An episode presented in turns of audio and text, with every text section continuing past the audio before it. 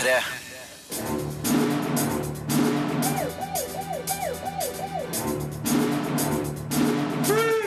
Filmpolitiet! What's your name, dude? Eh, Birger Vestmo.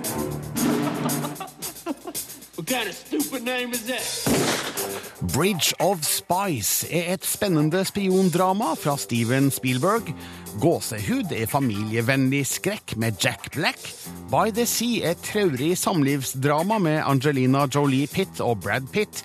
Og Himmelen over Havanna er et fint drama om cubansk gjenforening. I tillegg til de her premierefilmene får du høre om TV-serien Deutschland 83, en spennende og lekker spionserie full av herlig 80-tallspop, og den norske dramakomedien Maniac, som slippes på TV2 Sumo 1. desember. Du får òg tips om noen av de beste brettspillene du kan laste ned nå i november. Filmpolitiet anmelder film. Something important has come up. We've got a Soviet spy. En velkjent hendelse fra den kalde krigens dager fortelles med en veterans drevenhet i Bridge of Spice. Steven Spielberg regisserer solid og trygt en film der mange små elementer sys sammen til en imponerende helhetlig historie. Kanskje overdrives nostalgien over denne tidsepoken en smule, med litt for glansa bilder og søte strykere. Men med Tom Hanks i den bærende hovedrollen, et vell av interessante bifigurer, et velskrevet manus og mester Spielberg i registolen, har Bridge of Spice blitt en spennende og interessant historieleksjon. They got our spy pilot. Or the head full of classified information. Filmen er inspirert av virkelige hendelser, hvilket sikkert betyr at visse elementer er endra, utelatt eller oppdikta. Men faktum er at advokaten James B. Donovan, spilt av Tom Hanks, blir spurt om å forsvare den russiske spionen Rudolf Abel i 1957. Tre år seinere blir et U-2-spionfly skutt ned over Sovjetunionen, og piloten Francis Gary Powers tatt til fange. På bakgrunn av hans forsvar av Abel blir Donovan spurt om å dra til Øst-Berlin for å forhandle med russerne om en mulig utveksling av fanger. Are you good at what you do? This will be a first for the both of us. You should be careful. Tom Hanks har denne rollen inne fra før, den hverdagslige amerikaneren som utfører store ting med overbevisende moral og integritet. Han omkranses av et imponerende ensemble, der jeg har spesielt lyst til å trekke frem teaterveteran Mark Rylance. Han spiller fantastisk i rollen som Rudolf Abel, med stor beherskelse og suveren ro. Hans rolletolkning gjør at Abel fremstår som en hyggelig og bedagelig eldre herre som det ikke fins noe vondt i, til tross for at han faktisk er hemmelig agent på fremmed jord. Rylance kan kanskje være høyaktuell for noen store filmpriser. Do they want this negotiation? East Berlin. Sjølsagt er det filmatiske av ypperste kvalitet med Spielbergs faste samarbeidspartnere, fotograf Janusz Kaminski og klipper Michael Kahn som solide støttespillere. Tidskoloritten er overbevisende uten å være påtrengende. Manuset er signert Matt Charman og ikke minst Ethan Cohen og Joel Cohen, som har sørga for at tørre historiske fakta levendegjøres med smart dialog og gir en forståelse av alvoret bak hendelsene. Man føler virkelig at noe står på spill her, sjøl om utfallet er kjent for mange. For de som mener at vi er på vei inn i en ny kald krig, eller allerede er der, kan Bridge of Spice virke skremmende aktuell. Det er òg en ny knallfilm fra Steven Spielberg som viser få svakhetstegn i sitt femte tiår som regissør på toppnivå. The next mistake our countries make could be the last one. Terningkast fem. Les mer om film, spill og serier på p3.no Filmpolitiet. Filmpolitiet anmelder TV-serie. Glaubst du, das ist ein Spiel hier? Du kannst doch nicht einfach wegrennen. Ich will einfach nur nach Hause, klar? Wir wollen alle nach Hause.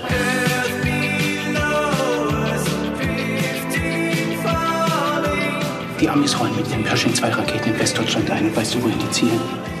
Auf dein Zuhause, Martin.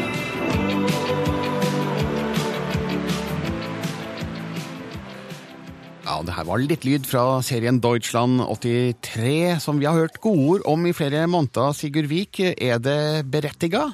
Jeg vil si at eh, Det er så aldeles berettiga. Det her er en tysk spionserie som gikk på TV, jeg tror det var RTL og Sundance TV i sommer, og som det liksom har begynt å blitt snakka ganske mye om, som også har nådd norske ører.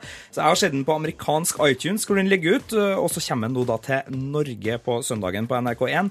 Det er, eh, For dem som har sett The Americans, så er det ikke veldig ulikt i tematikken. Det her er den kalde krigen. Vi er i Tyskland i 1983, og vi følger den unge Martin, som er en østtysk grensevakt, eh, som blir sendt over til Vest-Tyskland for å være spion der i en Nato-generals tjeneste. Han forlater da kjæreste og syk mor, og, og gjør sin plikt for, for, kommunistene.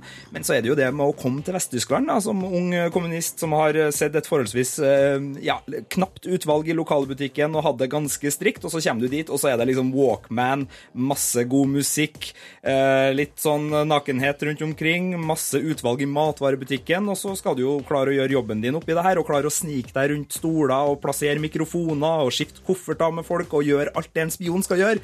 Så det her er akkurat sånn perfekt. Det er liksom studietid, spionasje, kald krig, nydelig estetikk, og Ja. det er uh, veldig, veldig veldig. Du sammenligner med The Americans, eh, som jeg driver og ser akkurat nå, faktisk. Eh, Ja. Og, og, og den serien uh, gir jo et godt bilde av storpolitikken mellom øst og vest, men på et, ned på et personlig plan. da. Er det det samme i Deutschland 83? Det er veldig mye det samme. Altså, Man har det storpolitiske. Det ligger en atomkrig og, og lurer her og truer. Og man er på generalas kontor også, men det er nettopp den her figurdrevne og følelsesdrevne nærbildene som, som skaper nerven i Deutschland 83.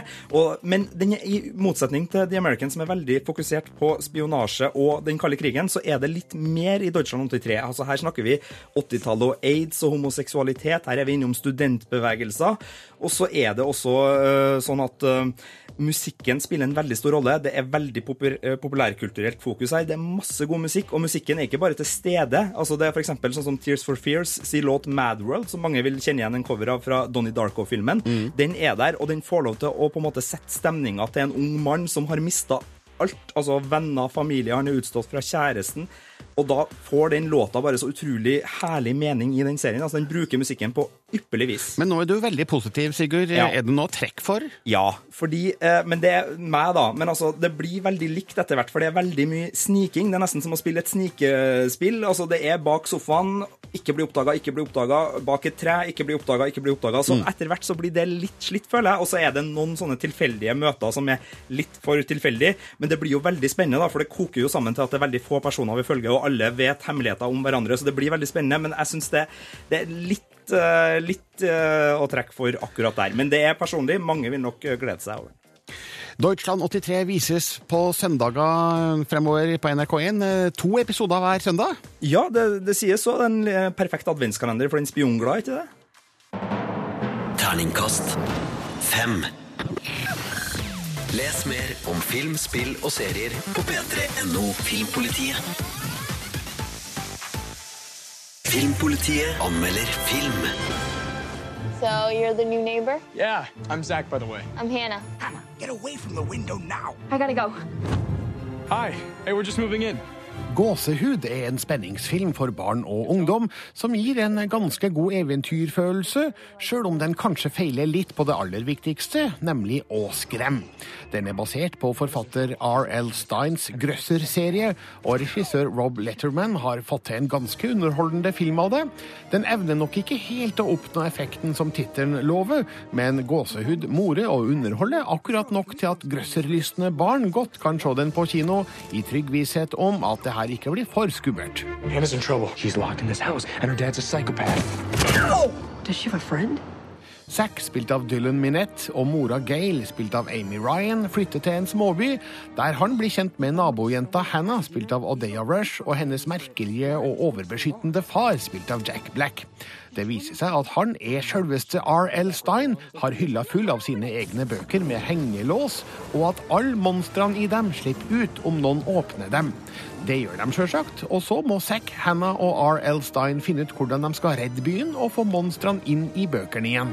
Wow. The Abominable Snowman of Pasadena? These are all Goosebumps manuscripts. Why are these books locked? Dylan Minette er en kjekkas, men mangler kanskje litt karisma. Og Day of Rush er en israelsk skjønnhet med litt bedre tilstedeværelse. Ryan Lee spriter opp persongalleriet som den morsomme kompisen Champ, mens Jack Black tar denne filmen på rutinen uten å imponere nevneverdig. Det er skapningene fra R.L. Steins bøker som er morsomst, sjøl om noen av dem har et altfor dataanimert preg, mens andre forsvinner i mengden. Favoritten er heldigvis den mest brukte, nemlig buktalerdukka Slappy, som Jack Black òg har gitt stemme til. Filmen reiser en del spørsmål hos meg som aldri blir besvart. Hvorfor er ikke bøkene bedre sikra om de er så farlige? Men da hadde det ikke blitt en særlig spennende film av det. Når katastrofen først er et faktum, bevares farten og spenninga hele veien ut, der det òg er plass til en liten oppskriftsmessig tenåringsromanse. Regissør Rob Letterman har kanskje en liten mini-Spielberg i seg, og har laga en forstadsfilm med humor, spenning og familievennlig skrekk. Den kunne bare vært enda skumlere. Det hadde barna tålt. Maybe they're friendly. Not friendly. Definitely not friendly. Terningkast fire. Filmpolitiet anmelder spill. Igjen er det klart for en liten oversikt over de beste brettspillene for tida her i Filmpolitiet, og derfor er Marte og Sigurd her. Halloi! Hallo! For det er dere som er eksperter på området. Og Marte, hvilket eh, brettspill er det du har henta med hit nå i dag? Jo, eh, jeg har da et eh, brettspill jeg da har spilt på nettbrettet mitt, eh, bare for å presisere det. Og jeg har kosa meg skikkelig mye med et spill som heter Ghosts of Memories, som kommer til både IOS og Android. Og det her minner meg veldig mye om Monument Valley. Eh, du er på en måte i en slags labyrint eh, som er på en måte full av sånne optiske illusjoner, og så må du eh, styre og forandre på elementer i omgivelsene for å komme deg videre gjennom denne labyrinten. Eh, og det er faktisk kjempevanskelig, eh, og det er veldig mange brett. Jeg har brukt mange, mange timer, og jeg har fortsatt ikke runda hele spillet. Eh, så det her er eh, skikkelig sånn hjernetvisterspill eh, som samtidig ser veldig sånn visuelt eh, fint ut. Ghost of Memories der, Yes. altså. Sigurd, give it to me, baby. Progress to 100, eller altså eh, framdrift til 100. Er ikke du lei, Birger, av at når du sitter og spiller spill på, på nettbrett og mobil, så driver du bare og bruker fingrene? Hadde det ikke vært artig å kunne strekt mobilen opp i været, snurra den rundt, rista den? Jo, kanskje! Jeg ser litt rart ut på bussen, det her, men eh, det her er et gåte eller et grublespill der du får korte beskjeder på skjermen, og så må du løse den beskjeden, altså gjør det du får beskjed om. Eh, Og det innbefarer f.eks. hvis det står champagne på skjermen, så må du da riste eh, telefonen som det var i champagneflaske, og da, når du har rista den lenge nok, så popper den fiktive korka, og du går videre til neste brett, eller neste setning.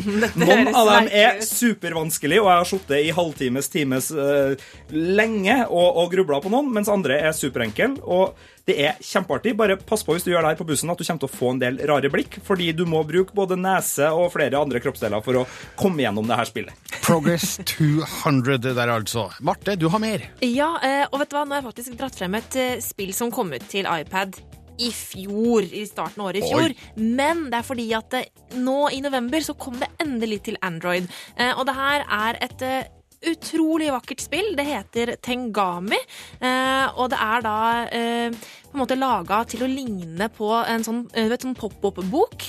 Eh, du en bok som du bretter ut, og så popper det opp ting, så kan du dra i forskjellige varianter og sånn, ikke sant? Ja. Eh, og så Det ligner da liksom på litt sånn der japansk papirkunst eh, i pop-opp-bokformat. Eh, og her skal du da spille en samurai som skal komme seg liksom gjennom et landskap, og så må du på en måte kanskje dra i en flapp for å få ned en bro, åpne opp en flapp for å åpne en hemmelig vei, og sånne type ting. Eh, og det er så stilig, fordi at alt er jo selvfølgelig i 2D fordi det liksom er laget av papir, men så åpner du da opp en sånn spennende 3D-verden fordi at det er i sånn pop-opp-format. Um, så det er veldig, veldig fint, og du må tviste hjernen din litt for å finne ut hvordan du skal komme deg videre, for det er jo problemløsning det her går ut på også. Uh, noen ganger kan det være litt knotete å finne ut akkurat hva spillet egentlig vil at du skal gjøre. Det kan være litt frustrerende til tider, men stort sett så er det her en skikkelig vakker spillopplevelse fylt av deilig japansk musikk. Tengami. Tengami. Vi rekker ett siste brettspilltips, Sigurd. Jeg spør deg, Birger, liker du bilspill? Ja. Eh, ja. Liker du filmen Drive? Ja. Liker du syntmusikk? Ja. Liker du Tetris? Ja. Liker du neonlys? Ja! Du kommer til å digge det lille spillet Neon Drive, som er et enkelt lite bilspill der du bare skal tappe deg framover sånn, sånn, i sånn Tetris-stil og prøve å kjøre ei gate inn til byen med masse hinder i. Masse deilig syntmusikk. Veldig vanskelig, for hver gang du krasjer, så må du tilbake til start, og det er superlett å krasje. Heldigvis så er det samme banen om og om igjen, så du utvikler litt mønster og sånn. Kjempeartig. Neon Drive. Enkelt, stilig, lekkert. Herregud. Neon Drive, mitt nye favorittspill. Gratis kanskje, kanskje også Tengami. Kanskje også eh, Progress 200. Og hvis ikke noe spesielt skjer, så vil jeg også prøve Ghost of Memories. Alt det her finner dere på p3.no Filmpolitiet. Joho! Nå skal det rastes ned. Dette er Filmpolitiet. Filmpolitiet På P3. Bad Boys 3 er planlagt for 2017, fremdeles med Will Smith og Martin Lawrence i hovedrollene. De to første filmene kom ut på Blu-ray denne uka. Du kan kjøpe dem i en sånn dobbel boks, eller eh, hver for seg, hvis du bare liker den ene og ikke den andre, selv om jeg ikke helt forstår hvorfor, fordi begge to er, er er likedan. Eh, Men er de noe bra? Du skal i hvert fall få min arkivanmeldelse av Bad Boys eh, 2 fra 2003, og så kan du jo avgjøre om eh, det her er Blu-rays verdt å sikre seg. Filmpolitiet anmelder film. Boys, bad boys, what you gonna do? What you gonna do when we come for you? Radarparet Jerry Bruckheimer og Michael Bay er med Bad Boys 2 tilbake med det de gjør best, nemlig en stor, bråkete og teit actionfilm. Det var på sin plass etter den litt flaue og pompøse Pearl Harbor. Bad Boys 2 er nesten en overdose av action og humor. Noe av det glir over i det smakløse, men stort sett er det her bare hjernedød moro. So all that was for nothing. Wait, hold on. I mean, we didn't. We did some of it. Well, well, I was at a family barbecue. Will Smith og Martin Lawrence spiller to glade purker i Miami på jakt etter narkotikakongen Johnny Tapia. Søstera til Lawrence er innblanda som undercover-politi og kidnappes til Cuba. Smith og Lawrence må ta av seg politiskiltene for å redde henne. Nå skal det sies at Smith og Lawrence må være verdens verste politietterforskere, for absolutt alt de gjør ender med skyting og biljakt. Hele historien er unnskyldning nok til at regissør Bay kan leke seg med feite gunnere, lynraske biler, båter, lekre damer og andre ting som tar seg godt ut i cinemascope. Just want to talk. You want to talk? Well, go. They can't hear you because they're still shooting at you. Bad Boys 2 er en skikkelig rå film med blodig likpartering, flere hodeskudd og en svær bodycount. Det er et mysterium sjøl for den norske filmdistributøren at Statens filmtilsyn har gitt filmen 15 års aldersgrense. Noe er smakløst, som når en varebil lasta med lik begynner å miste lasten under hjula på bilen til Smith og Lawrence under en biljakt. Et av lika får revet hodet av seg. Det kunne de ha spart seg for. Men det meste er gøy, som når en trailer lasta med biler begynner å miste lasten sin i en annen biljakt, eller når en Hummer raser gjennom en skurby på Cuba i en tredje biljakt. Police, stop! Pull up! Stop the car! Your badge! Man, he got a gun! Shoot him! Denne filmen ble stort sett dårlig mottatt av kritikere etter verdenspremieren i USA, og jeg forstår egentlig hvorfor.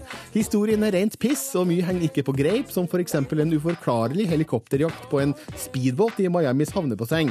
Men det her er ikke en film som kan tas på alvor. Regissør Bay og produsent Bruckheimer har raska sammen et sett actionscener og kaller det en film. Er det en film?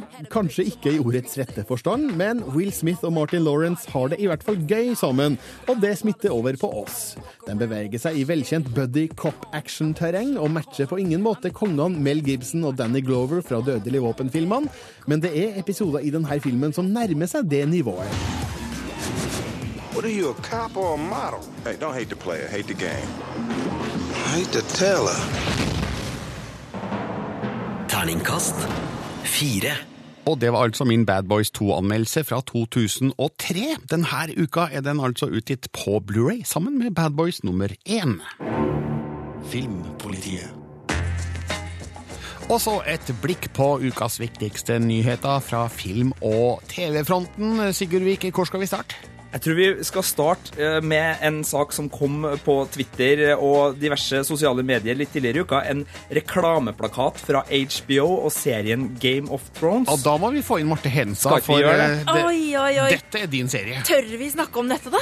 Tør spoiler alert. Ja, spoiler alert. Spoiler alert for de som ikke har sett sesong fem av Game of Thrones, og spoiler alert for de som ikke har lyst til å vite noe om den kommende sesongen. Ok, På Twitter så publiserte jo da HBO en ny plakat for, eller den første plakaten for neste sesong av Game of Thrones. På den plakaten var det bilde av Jon Snow. Ja. En Jon Snow som står og ser sånn ned i, i, i gulvet eller bakken, og så blør han fra det ene øyet. Eh, og da eh, vil jo vi da tro at han har overlevd. Jon Snow overlevde det, det, det fatale angrepet eh, på slutten av eh, forrige sesong. Kanskje. Kanskje. Vi får se. Eh, men jeg må bare si en ting, for det som jeg, jeg håper og tror, eller jeg tror at han kanskje døde, men at han blir gjenopplivet Tror du. tror jeg. Gjetter du? Eh, det- er ganske mange teorier rundt dette. Eh, og det, hvis dette i så fall er tilfellet, så betyr jo det at hans på en måte ed til The Night's Watch er brutt. Så Bare- da kan han gå sine egne veier, og Ja. det blir spennende. Det er spennende. Jeg håper det ikke er likskjending, i hvert fall. Jeg håper det er derfor, Nei. ikke derfor Nei, han er vi satser ikke på at Ikke ikke det blir en del av Game of Thrones. Ok, Sigurd. Uh, Tremors var en uh, filmserie som uh, noen satte pris på på, på 90-tallet. Ja, med Kevin Bacon i hovedrollen og gigantiske Ja, den heter jo Marksommer på norsk, så jeg, vi kan kalle dem marker, kan ikke vi? Ja, vi kan. Gigantiske menneskeetende, biletende, altetende marker som herja fra, fra under jorda.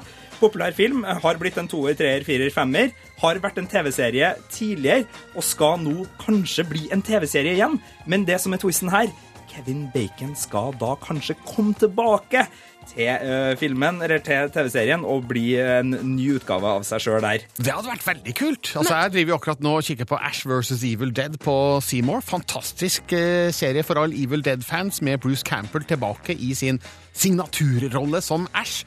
Så eh, hvis Kevin Bacon tar en Bruce Campbell, så kan jo det bli riktig så fornøyelig. Jeg syns det er en kjempeidé, og det vil jo da føre til at man får nye varianter av Six Degrees of Kevin Bacon, som er et av mine favorittspill, eh, så tipp topp. Vi kan holde oss i TV-serieland, for eh, Vikings har hatt et norsk innslag før. Torbjørn Harr.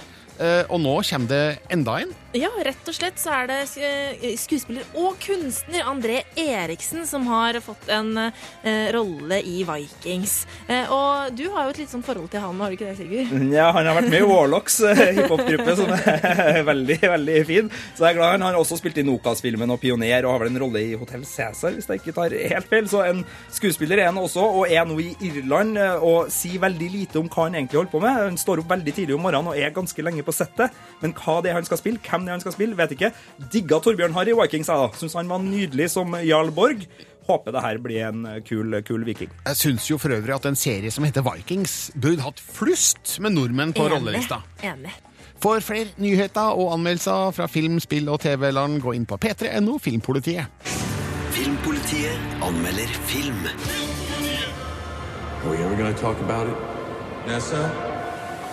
Angelina Jolie vist lovende takter som regissør med krigsdramaet Unbroken.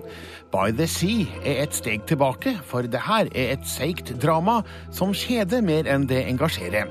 Nå kaller hun seg Angelina Jolie Pitt, nærmest for å understreke at filmen er et samarbeidsprosjekt med ektemannen Brad Pitt. Begge er produsenter her. Jolie Pitt har også skrevet manuset og spiller sjøl den ene hovedrollen, mens Brad Pitt har den andre. Samspillet har dessverre liten gnist, som om de spiller på sparebluss. By the Sea er lekkert filma i nydelige omgivelser på den franske kysten, men det her blir overfladisk om vakre menneskers små problemer. Do you hate me? You know my reason. Et par tar inn på et lite hotell ved en pittoresk bukt et sted i Frankrike tidlig på 1970-tallet. Det viser seg at forholdet mellom dem er tynnslitt. Roland, spilt av Brad Pitt, er en forfatter uten inspirasjon. Vanessa, spilt av Angelina Jolie Pitt, sliter med depresjon. Så får de et nygift par, spilt av Melanie Lauret og Melville Popot, i naborommet, som Vanessa spionerer på gjennom et høl i veggen. Deres irriterende lykke får hun til å sette i gang et spill for å ødelegge idyllen. You're nothing.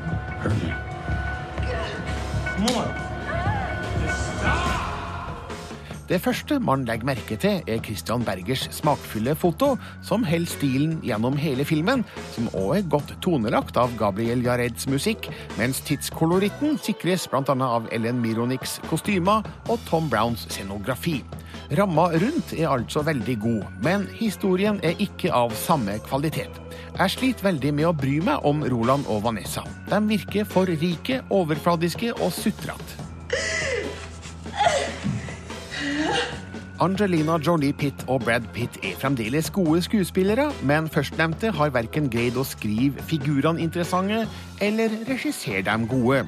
Når det endelig avdekkes hva det er som tærer på forholdet mellom Vanessa og Roland, er det for seint å be om publikums sympati, for da har man allerede gått lei av hennes stille sutring og hans fyllekuler.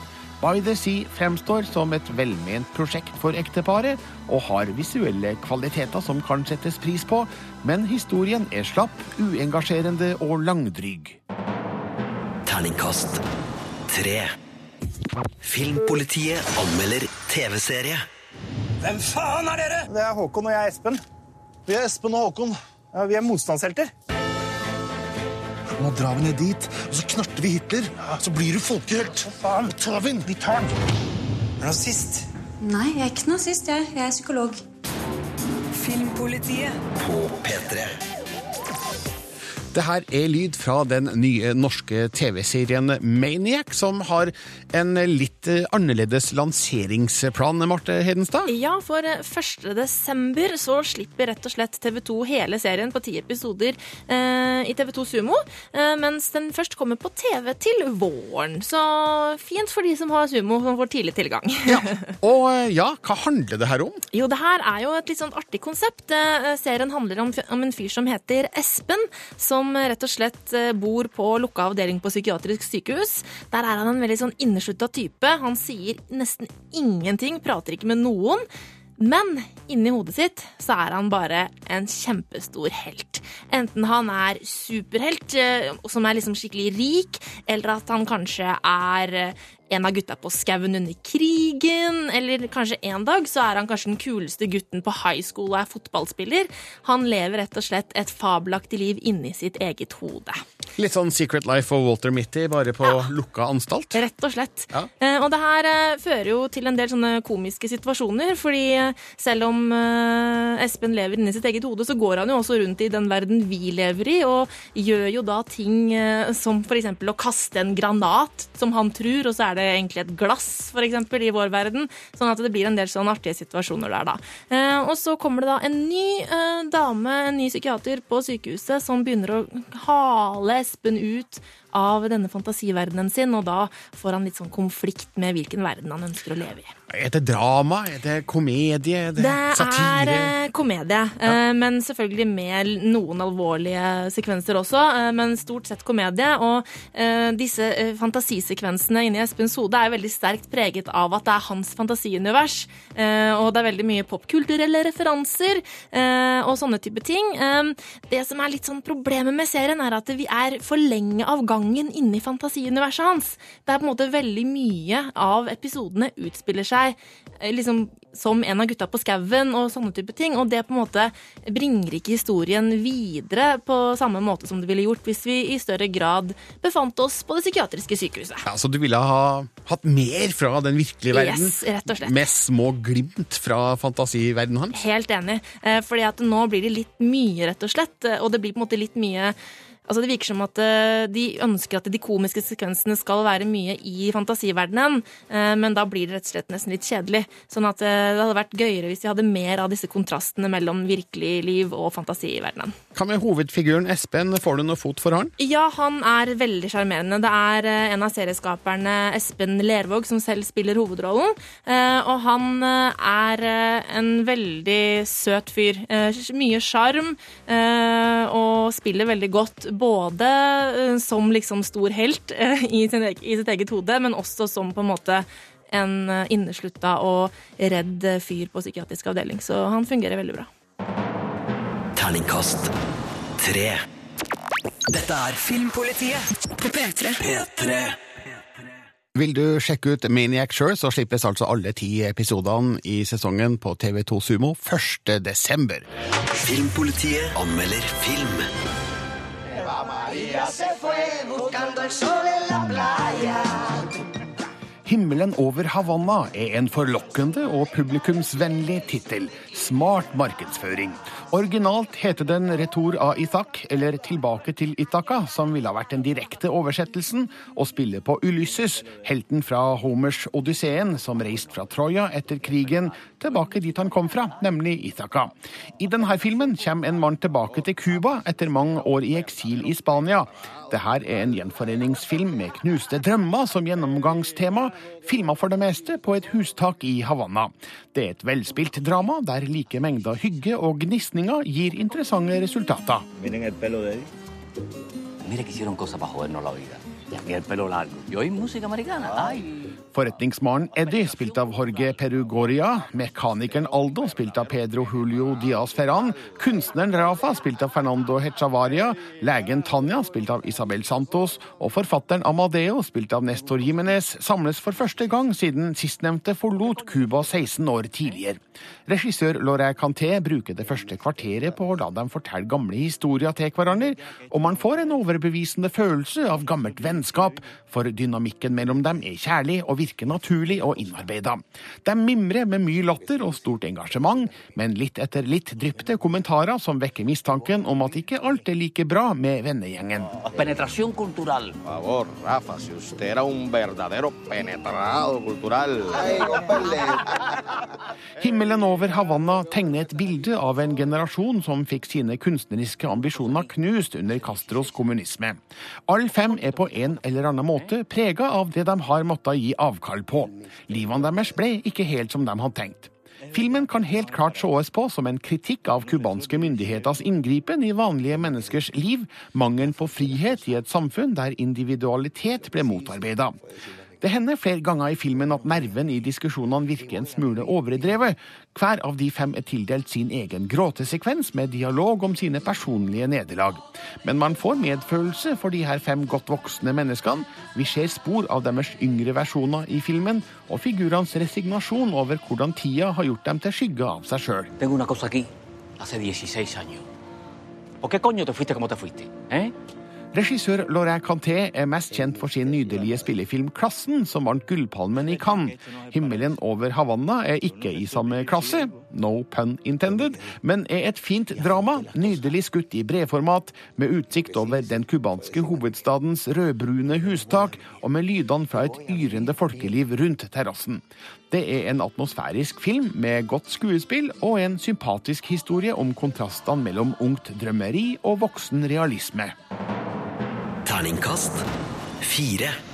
Les mer om film, spill og serier på p3.no Filmpolitiet. Litt av en TV-kveld i vente på NRK3 i, i morgen. Klokka 21.35 kan du se P3 Gull, etterfulgt av en intimkonsert med The Weekend. Og så, 23.25, da starter filmen Dumpet av Sarah Marshall. Og den eh, bør du absolutt eh, sjekke ut hvis du har tid og lyst og anledning. Her er min anmeldelse fra kinopremieren i 2008. Filmpolitiet anmelder film. Peter, as you know, I love you. Are you breaking up with me? Dumpet av Sarah Marshall ga meg et stort glis rundt munnen og jevnlig massering av lattermusklene, som det heter.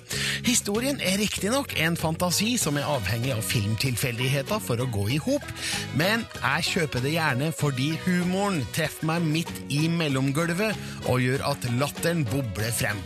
Det her er bra saker, sterkt beslekta med Knocked Up og Superbad. Do you want to put some clothes on? Would you like to pick out the outfit that you break up with me in? Peter Bretter, spilt av Jason Segel, blir dumpa av kjæresten, og TV-stjerna Sarah Marshall, spilt av Kristen Bell. Fortvila rømmer han til Hawaii, men møter utrolig nok Sarah og hennes nye rockekjæreste på hotellet. Samtidig møter han nå den vakre resepsjonisten Rachel, spilt av Mila Kunis. Det blir forviklinger, konfrontasjoner og uventa veivalg. Men alt fortelles med en humoristisk vinkling, og det funker faktisk svært godt. Peter, Hey. Hi. what are you doing here? Came here to murder you. Jason Segel er allerede en liten TV-stjerne i USA i serien How I Met Your Mother. Vi har også sett han i Knocked Up, men eh, dumpet av Sarah Marshall er hans internasjonale gjennombrudd.